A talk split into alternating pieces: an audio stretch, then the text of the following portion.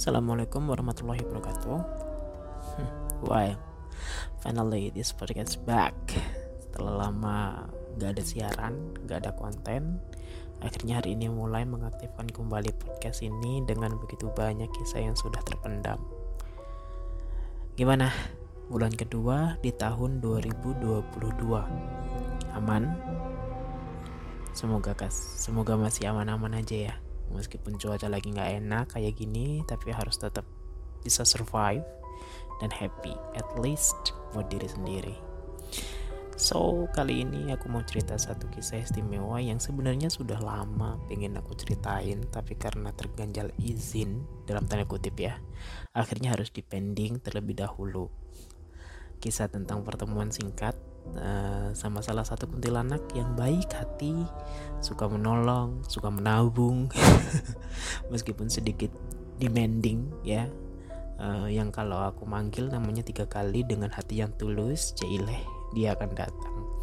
Sosok ini sebenarnya sudah pernah aku tulis di buku Dekade, salah satu bukuku yang sudah aku terbitin tahun 2018-19 sih, Tapi nggak apa-apa kali ya, aku mau cerita lagi ke sini biar lebih bisa didengar uh, sama banyak orang dan yes she's the one and only Sutina Oke, okay, for your information ketika podcast ini dibikin, Sutina sedang tidak ada di samping aku atau bahkan di sekeliling ya. Uh, karena kondisinya saat ini aku sedang ada di luar kota Surabaya, jadi kalaupun aku harus manggil, ya buat apa juga sih? Karena sudah dapat izin juga sih ya. Jadi ya I don't need any apa ya permission lagi lah katanya seperti itu. Sudina sendiri itu sebenarnya I have to underline ya aku harus garis bawain dulu bahwa Sudina ini adalah sosok korin uh, dari seorang perempuan yang meninggal karena suatu kecelakaan. Kenapa akhirnya menjadi kuntilanak? Nah ini yang akan aku bahas dan aku kulik uh, di podcast ini sih nantinya. Awal kali ketemu sama Sutina saat itu waktu maghrib tiba ya I still remember ketika tahun 2017-2018 ya from mistaken ketika dia perjalanan pulang dari makam Bung Karno di daerah uh, mana ya? Daerah Blitar ya daerah Blitar.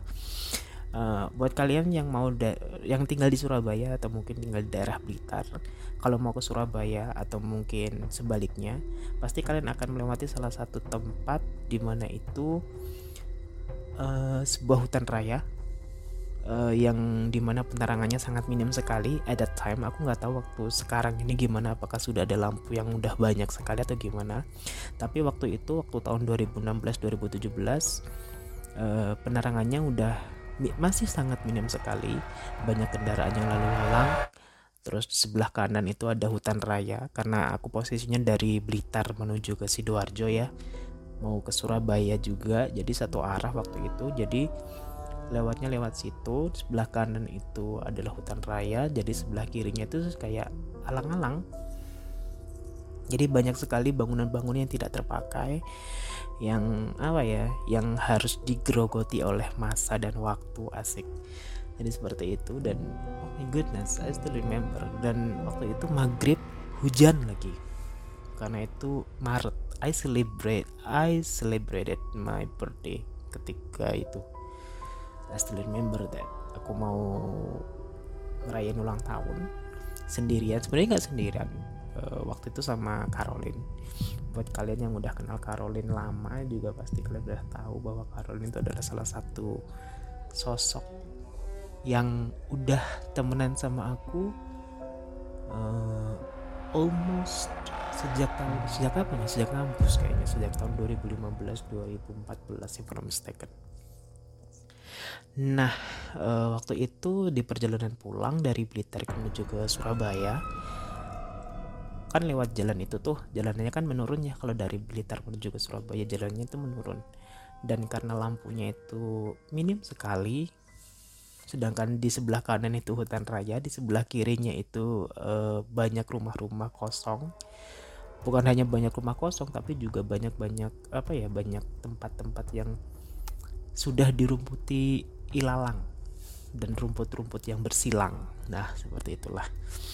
Uh, otomatis karena maghrib tiba, kalau maghrib itu kan jendela antara mereka yang tak kasat mata menuju dunia itu semakin meluas ya gitu ya maksudnya pintu atau gerbang dari mereka yang tak kasat mata menuju dunia kita itu semakin lebar akhirnya banyak sekali hal-hal yang banyak sekali sosok-sosok ya bukan hal-hal ya tapi sosok-sosok yang akhirnya masuk.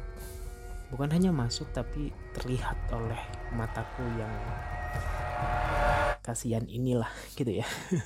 Terlihat oleh mataku sendiri. Jadi ada yang nempel di atas mobil ada yang nempel di pintu truk ada yang di belakang joknya motor orang and so on and so on. Jadi banyak banget. Nah waktu itu bukan hanya sepuluhan bukan hanya satuan eh sorry bukan hanya satuan bukan hanya puluhan tapi ratusan makhluk yang berseliweran kanan kiri kanan kiri kanan kiri. Dan something yang aku takutkan waktu itu adalah ketika mereka tiba-tiba ngagetin. Nah kalau ngagetin otomatis aku bakal kaget. Kalau bakal kaget karena waktu itu juga maghrib penerangan juga sangat minim hujannya juga agak rintik-rintik tapi agak lebat juga otomatis takutnya kepleset.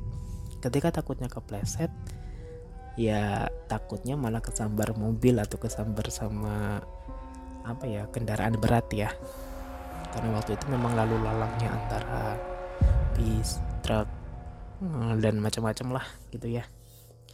Jadi I always prayed prayed prayed doa doa doa doa gimana caranya agar aman, sentosa, selamat sampai tujuan dan sebagainya. Jadi pelan-pelan sambil doa, pelan-pelan sambil doa, lihat kanan kiri, pelan-pelan tetap fokus doa, doa, doa dan sebagainya.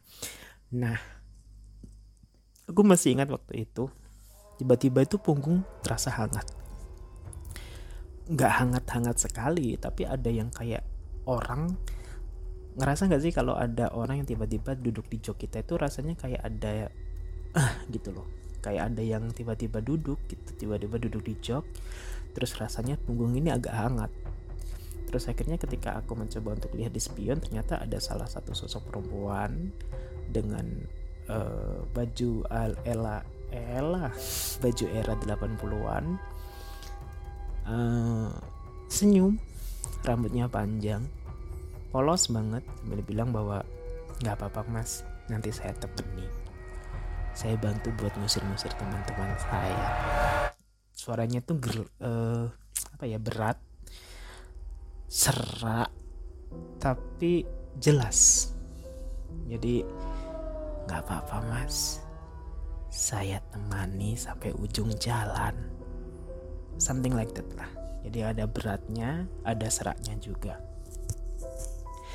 Nah waktu itu karena aku ngerasa vibrasinya cukup positif ya karena ngerasa vibrasinya cukup positif akhirnya ya just go ahead. Thank you so much sudah mau ditemani. Hingga akhirnya singkat cerita kita kenalan. Dia memperkenalkan diri namanya Sutina. Uh, dia meninggal pada tahun 80-an 85-an waktu itu. Karena tertabrak salah satu kendaraan berat entah itu truk entah itu mesin untuk kala itu sedang ada pembangunan kalau nggak salah beliau cerita itu waktu itu tahun 80-an masih ada pembangunan untuk kebun raya ah sorry hutan raya yang di sebelah yang aku Purwodadi itu masih eh, masih pembangunan jadi masih banyak alat berat gitu. Beliaunya tertabrak waktu mengantarkan makan untuk bapaknya. Nah uh, alasannya kenapa dia waktu itu tertabrak dan sebagainya karena kelalaian kelalaian dua pihak. Salah satu kelalaiannya dia sendiri mungkin karena tidak hati-hati yang kedua adalah kelalaian dari uh, si supir dari mobil oh sorry kendaraan berat itu tadi ya. Nah ketika meninggal ternyata tidak ada yang tahu bahwa ternyata Sutina ini hamil hamil dan dia harus meninggalkan beberapa adiknya yang dia janjiin bahkan besok itu kamu harus lebih sukses daripada kakak. Jadi Sutina ini bekerja di perkebunan juga bareng sama orang-orang Netherlands dan sebagainya. Waktu itu kalau nggak salah dia bilang sama cukong-cukong gitu sama bapaknya juga sama ibunya juga asalkan adiknya bisa sekolah. Dan ternyata tidak ada yang tahu bahwa Sutina waktu meninggal itu uh, hamil. Dan yang tahu cuma Sutina doang. Uh, lebih dari itu Sutina tidak menjelaskan kenapa dia hamil dan sebagainya. Mungkin next podcast akan aku jelasin ulang kenapa dia mening kenapa dia hamil dan sebagainya. Soalnya sampai sekarang masih belum ada izin.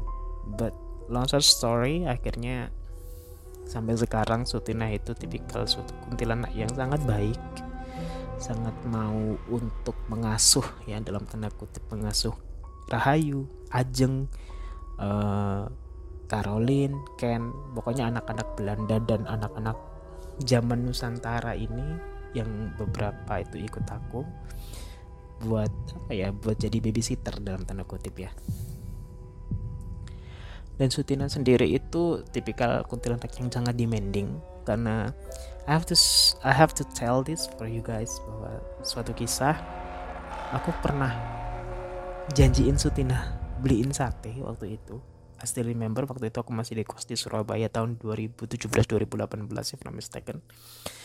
Aku pernah janji Sutina untuk beliin sate asalkan Sutina mau ngasuh keempat anak ini. Karena waktu itu aku, biasanya kan aku sama teman-teman mereka yang tidak terlihat ini kan teman-teman hantuku itu sering jalan-jalan ya kalau Sabtu malam uh, Sabtu malam Minggu gitu ya. Sabtu malam Minggu itu selalu jalan-jalan entah ke taman kota entah ke daerah-daerah mana pokoknya jalan-jalan lah berlima gitu.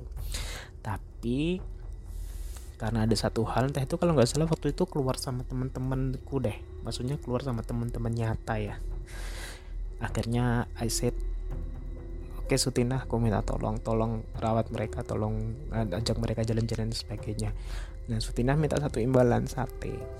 Tapi ternyata keesokan harinya karena aku kecapean waktu itu karena ada acara apa aku lupa aku kecapean sampai kemalaman. Akhirnya aku aku males. Karena udah jam berapa gitu akhirnya aku males. Ketika males akhirnya Sutina marah mungkin karena tidak mendapati janji ya. Ketika marah itu barang-barang di kosan itu beberapa banyak yang jatuh. Piring ada yang pecah satu kalau nggak salah. Dan beberapa tuh ada yang jatuh sendiri. Akhirnya ya udah aku berangkat jam satu pagi buat cari sate hanya untuk beliin sosok kuntilanak ini sate. Fuh, uh, jadi ya gitu ya. Uh, this is my story ketika bareng sama Sutina. Banyak banget sebenarnya kisah-kisah bareng sama Sutina. Salah satunya itu ketika dia cerita tentang adiknya tentang keluarganya yang mungkin akan aku ceritain juga ke kalian melalui podcast ini tapi nggak sekarang